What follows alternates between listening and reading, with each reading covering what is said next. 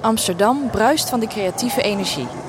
Met 85 theater- en concertzalen, 90 musea, 55 bioscopen en dan nog een heleboel andere plekken waar je van kunst en cultuur kan genieten.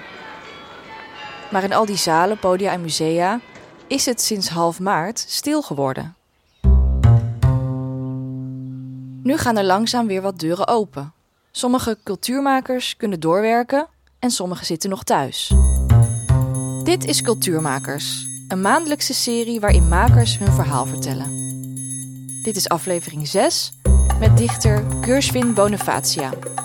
Hij is stadsdichter van Amsterdam. Hey, even testen of het geluid helemaal goed is. Hoor, hoor je mij goed? Op mijn beeldscherm zie ik Gershwin in zijn woonkamer. Hij draagt een donkerblauw sportvest met de woorden Anything is Possible Academy op de borst. Ik ben, uh, ben gewoon vanuit huis uh, ben ik aan het werken. Ik vraag hem hoe zijn isolatiesituatie eruit ziet. Ik ben net verhuisd. Ik ben net gaan samenwonen met mijn vriendin. Begin uh, februari was dat. Um, en um, ja, ik woon in een, uh, in een appartementje in Amsterdam-Oost. En dat is op zich wel, wel prima te doen. In het begin van de lockdown zat hij vooral thuis. En um, na twee weken toen uh, ben ik dus benaderd door de openbare bibliotheek om um, daar een soort artist in residence zeg maar, te gaan doen. Gedurende ja, de periode dat de OBA dicht is. De OBA is wanneer je deze podcast hoort gelukkig alweer open. Als een van de eerste instellingen in Amsterdam. Maar wanneer ik Gershwin spreek is het nog niet zo ver. En uh, vanaf 1 april zit ik, eigenlijk, uh, zit ik eigenlijk in de OBA, drie, vier dagen in de week. Ja, want de OBA is natuurlijk gewoon helemaal gesloten. Uh, dus dan heb je ja, een, een lege openbare bibliotheek zeg maar, tot je beschikking. Dat is natuurlijk een gigantisch pand. Op dit moment is hij dus vooral thuis en in de OBA. Maar normaal gesproken is hij constant op pad. Ik kan op een dag, zeg maar, kan ik bijvoorbeeld in drie stadsdelen zeg maar, aan het werk zijn. In de ochtend ben ik in Zuidoost. Um, en dan uh, ben ik in een of andere um, bijeenkomst. Dan ben ik, fiets ik door de binnenstad fiets ik richting West. Dan geef ik les op een middelbare school. Dan ben ik in de avond ben ik weer in, in Noord. En dan ben ik in de Ademtoren bij, bij een evenement. En ja, ik heb niet echt het gevoel dat, dat bepaalde delen voor Amsterdam niet voor mij zijn of zoiets. Gershwin is niet in Amsterdam geboren. Nee, ik ben in, uh, ik ben in, in, Rotterdam geboren. Ik woon uh, nou, nu vanaf mijn zeventiende ongeveer in, in Amsterdam, dus tien jaar ongeveer. Toen ik stadsdichter werd, toen had ik heel erg het idee dat ik wel wist wat, wat, wat Amsterdam voor mij betekende. maar ik kwam eigenlijk steeds meer achter dat, dat ik Amsterdam eigenlijk helemaal niet zo goed ken. Dat ik eigenlijk in een, ja, een bubbel, zeg maar, binnen een subcultuur in Amsterdam leef of zoiets. Vanuit een jong en multicultureel perspectief alles bekijken. Um, terwijl Amsterdam natuurlijk heel veel verschillende aanzichten heeft. Um, dus ja, op die manier kwam ik, kwam ik erachter dat, dat, dat de stad veel groter en divers is dan ik, dan ik in eerste instantie eigenlijk uh, dacht. En dat levert hem ook nieuwe inzichten op. Het hele um, debat rondom dat de binnenstad te druk was, bijvoorbeeld, dat vond ik helemaal niet uh, interessant ja, in mijn beleving zeg maar, kon het niet, niet gek genoeg. Um, en ging ik het zelf een beetje vergelijken met um, een New York of een, of een Londen. Die steeds groter worden en steeds meer. En, steeds, en ja, daarin heeft niemand het over, oh het is zo druk, het is zo druk. En um, zo zag ik Amsterdam eerst ook. En op een gegeven moment ben ik veel meer de historische binnenstad van Amsterdam gaan waarderen. En alle regels die daarmee gemoeid gaan. En toen ben ik de stad zeg maar veel meer als een, als een ja, toch wel historisch erfgoed gaan zien. Waarin ik het heel erg belangrijk vind dat het, het, huidige straatbeeld van Amsterdam zeg maar, niet verdwijnt over 50 jaar. Het beeld van de binnenstad die shifte een beetje van, uh, van New York naar een Venetië of naar de binnenstad van Lissabon of zoiets. En ook nu, tijdens de coronacrisis, blijft Gershwin scherp naar de stad kijken.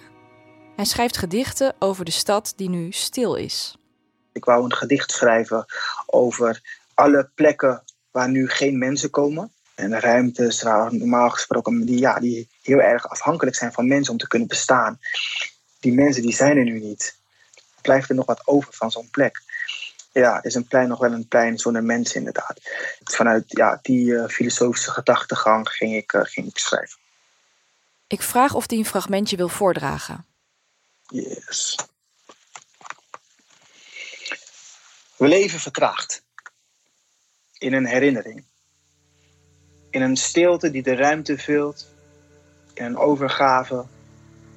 In een wereld die ook doorgaat zonder wereld. In een eenzaamheid waarbij het niet meer gaat om alleen zijn, maar om de druk op de uitgeputte hemel te doen verzachten. Ruimte is iets tijd geven om te herstellen. Is een windvlaag van absentie, zwevend op de golven van een fluisterende stad. Als we maar lang genoeg stil zijn, dan zullen we vanzelf naakt worden. De liefde voor taal en poëzie begint bij de jonge Gershwin door het verzamelen van filosofische uitspraken. Uh, ik vond zeg maar van die, uh, ja, van die quotes vond ik altijd heel erg inspirerend. En die hing ik dan altijd op in mijn kamer. Van, uh, hele diepe quote. Hè. Vroeger zeg je, oh zo diep. Hè, dat, dat soort dingen. Zoals wat voor quotes? Ja, dan quote van Einstein of zoiets. wat, ja, wat had ik dan allemaal? Joh? Ehm, ik denk vaker aan morgen dan aan vandaag, omdat ik gisteren al dacht aan nu. Ehm, of uh, mijn volgende stap wordt beter dan mijn volgende stap.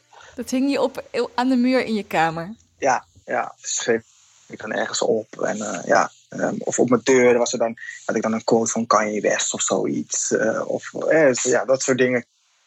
Hij deelt al die wijsheid ook met zijn familie.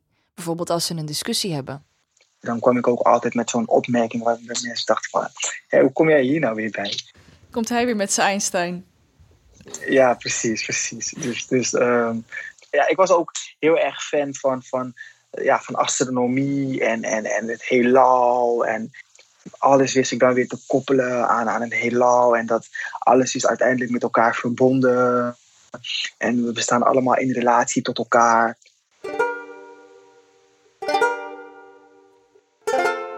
En ik moet zeggen, de allereerste keer dat ik op het podium stond, toen was ik 17. Toen deed ik mee met een uh, ja, soort schrijfwedstrijd voor jonge schrijvers. En toen had ik de hele familie uitgenodigd, et cetera, et cetera. En toen had ik ook gelijk gewonnen.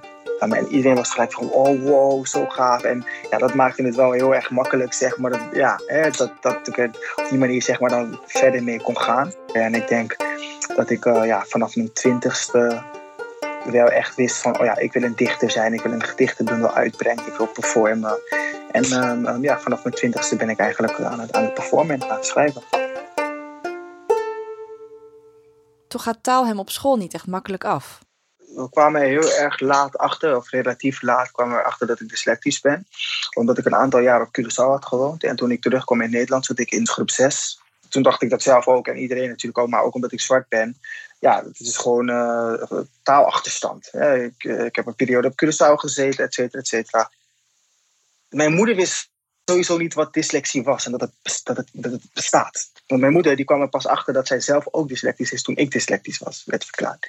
Um, en mijn vader heeft er waarschijnlijk wel ooit van gehoord, maar ja, ook, ook omdat door de, uit de cultuur waarbij je komt, dan hecht je niet echt waarde aan dat soort labels. Op het moment dat je dan dyslectisch bent, dan dan hebben mensen al heel snel door: oké, hij is niet zo heel erg goed met lezen, dat is zijn ding niet. En dan wordt er wel op een andere manier een aanpassing gemaakt, eigenlijk. Precies. En toch, dan heb je uh, niet, die, niet die labels, maar gewoon meer van hoe is deze persoon. Gershwin maakt een slechte citotoets. Hij belandt op een praktijkschool waar hij eigenlijk veel te slim voor is. En dan is er uiteindelijk toch een dyslexietest, gelukkig. Want die verklaart een hoop. Het voelt alsof je elke keer als je iets leest, dat je het voor het eerst ziet ook al heb je het woord horloge of restaurant al duizend keer in je leven gelezen, bij iemand die dyslectisch is, voelt het alsof hij het elke keer weer voor het eerst leest. Hij gaat naar een speciale praktijk waar hij leert met zijn dyslexie om te gaan en waar hij leert dat dyslexie ook positieve kanten heeft. Bijvoorbeeld, um, je maakt altijd gebruik van synoniemen. Op het moment dat je niet weet hoe je iets moet schrijven, heb je altijd een ander woord die je daarvoor in de plaats kan leggen wat ervoor zorgt dat je op een gegeven moment een onwijs woordenschat ontwikkelt, zodat je dat eigenlijk doorhebt. Ehm, en, ik weet nog dat ik toen ik op de middelbare school zat, dat ik dan heel veel woorden gebruikte die mijn klasgenoten bijvoorbeeld helemaal niet kenden. Omdat ze ja, nooit dat woord nodig hebben, omdat ze gewoon altijd gewoon ja, horloge opschrijven. En ik schrijf dan bijvoorbeeld uur, de uurklok of zoiets, of ja, noem het maar op. Ehm, en dan maak, je er, dan maak je er weer wat anders van. En dan op die manier um, word je aan de ene kant heel erg ja, talig, heel erg creatief met taal. en dat is uiteindelijk ook een beetje de basis geweest van mijn uh, poëtische uh, ontdekkingsreis, als het ware ja, ik was, ik was ja, 14, 15 zeg maar, toen ik erachter kwam van oké, op deze manier werken mijn hersenen. Um, um, en als ik mijn hersenen op deze manier gebruik, um, dan, ja, dan heb ik daar heel erg profijt van. Ja, dat merk ik bijvoorbeeld toen ik ging studeren. Ja, dat heel veel dingen maar zo makkelijk afgingen. Waar heel veel mensen dan moeite mee hebben. En ik had dan weer moeite met, ja, eh, met uh, deze en et cetera, et cetera. Maar andere mensen weer denken van, ja, hoe kan je dat nou verkeerd schrijven? Hij laat zich nooit ontmoedigen. Zeker ehm, in, in, mijn jongere jaren vond ik ja, omgaan met dyslexie vond ik best wel lastig. Uh, maar ik liet zeg maar nooit die angst dat ik dyslectisch ben, liet ik nooit in de weg staan om dingen te doen.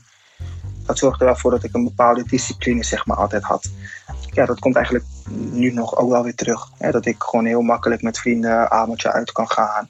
Of dat we op vakantie kunnen gaan naar een of andere gek festival en dan twee weken dronken kunnen zijn. Maar op het moment dat ik dan weer in Nederland ben en uh, ik moet presteren, ja, dan heb ik ook wel die discipline om gewoon uh, ja, te kunnen presteren en te kunnen studeren, et cetera. Die vastberadenheid die Gershwin als kind heeft om door te zetten op school, om te focussen op de positieve kanten van zijn dyslexie, en om uiteindelijk die filosofiestudie te gaan doen, die vastberadenheid heeft hij in zijn carrière ook. Hij is niet een jongen die maar wat doet. Hij denkt groot. Ja, nou, ik, ik, ik dacht gewoon van oké, ik wil een dichter zijn. Wie zijn dichters en wat zijn de spelregels daarvan? Hij begint als dichter in de spoken word scene, de kunst van het voordragen. En als spoken word artist wordt hij al snel heel succesvol op een gegeven moment om de 23ste ja, stond ik op de grootste spoken word eh, festivals. En, en, want ja, als ik mezelf afvraag wie zijn de allergrootste spoken word artiesten in Nederland, ja, dan zou ik mezelf al kunnen noemen bij wijze van.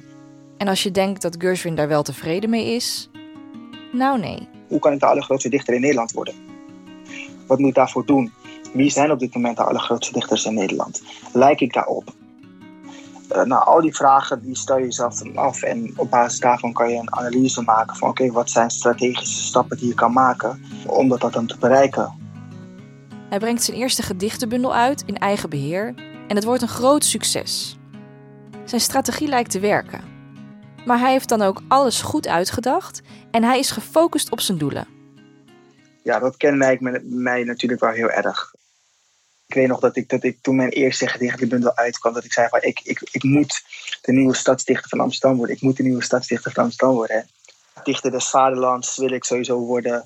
Um, uh, ik wil bijvoorbeeld een, een, een carré kunnen uitverkopen uh, of, of een stad Schouwburg, waarbij mensen dan gewoon naar poëzie kunnen luisteren. Misschien uh, met, met een, zeg wat, orkest of zoiets erbij en een beetje jazzmuziek. En ja, dus, dus daarin zeg maar um, zie ik mezelf als kunstenaar alleen maar groeien en groeien en groeien. En, en ja, mezelf constant blijven ontwikkelen, dat vind ik super fijn. Heeft die drive ook een keerzijde, vraag ik hem? Ja, dat zorgt er soms wel voor dat ik uh, ongeduldig of zo ben. Dat ik altijd meer wil en beter en volgende dingen. En, en daarin moet ik mezelf soms een beetje remmen. Waar merk je dat dan aan? Ben je wel eens tot de orde geroepen door iemand? Um, ja, dus zeker door mijn, door mijn vriendin bijvoorbeeld. Ja, op het moment dat ik dan uh, dat ik dan iets bereikt heb, dat ik dan te weinig daar echt van geniet of zoiets. Maar dat ik dan gelijk denk van oké, okay, what's next? Een voorbeeld van afgelopen februari. Hij was net klaar met het schrijven van zijn tweede bundel, die eigenlijk in april dit jaar zou uitkomen, maar vanwege corona is dat uitgesteld. Maar die bundel, dat was het begin van een groter geheel, waar ook een theatervoorstelling en een muziekproject bij horen. En toen, toen zouden we op wintersportvakantie gaan. Maar toen mijn bundel af was, wou ik gelijk doorgaan met het schrijven van een theaterstuk wat aan gekoppeld is. Um, dus toen we op vakantie waren, toen was ik veel bezig met eh, elke tijd die, die we vrij hadden, zeg maar, ging ik gewoon lekker schrijven aan mijn theaterstuk. En toen zei ze dus van, hé, maar je hebt net, ben je drie weken ben je naar Zeeland gegaan om je bundel af te schrijven. En dan, uh, nu zijn we even lekker op vakantie en dan ben je weer aan het schrijven. Van waarom uh, geniet je niet even van dat je net je bundel hebt afgeschreven, laat je dat niet even los? En ik zeg dan van ja, maar die bundel, zeg maar, dat is maar de eerste stap, zeg maar. Ik, ik moet nog tien stappen, zeg maar, zetten. En, en ja, daarin dan, dan hebben we discussies en dan vind je dat ik te veel en te, en, en, en te snel ga. En, en uh, ja, trek me natuurlijk niks van aan. De reden dat ik bereik wat ik bereik, is omdat ik gewoon lekker eigenwijs ben en die drive heb in het verlengde van die quote. Ehm, ik denk vaker aan morgen dan aan vandaag.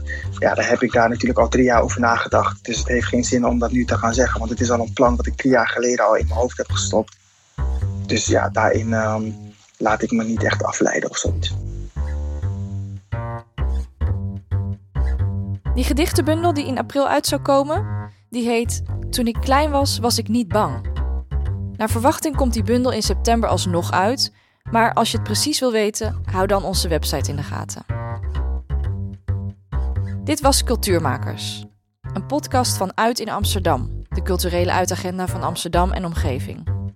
Interviews en montage Lotte van Galen, techniek Arno Peters.